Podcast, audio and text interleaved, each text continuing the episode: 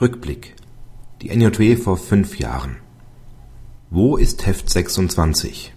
Diese Frage haben sich wohl schon manche Leser der NJW gestellt, wenn sie ältere Ausgaben gesucht haben. Die Antwort ist ganz einfach. Bis einschließlich das Jahr 2002 gab es kein NJW Heft 26 mit redaktionellem Inhalt.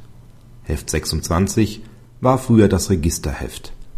Es liegt nunmehr immer Heft 27 bei und ermöglicht dem Leser am Ende des jeweiligen Halbjahresbands, unabhängig vom Computer, schnellen Zugriff auf die gewünschten Inhalte.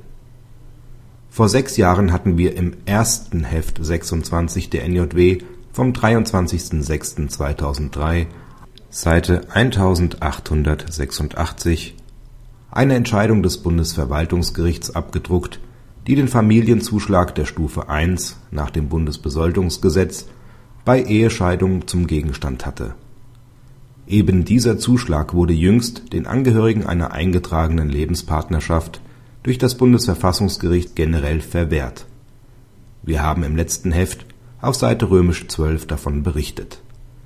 Damit ist die Bundesverwaltungsgerichtsentscheidung für die Konstellation einer eingetragenen Lebenspartnerschaft bedeutungslos.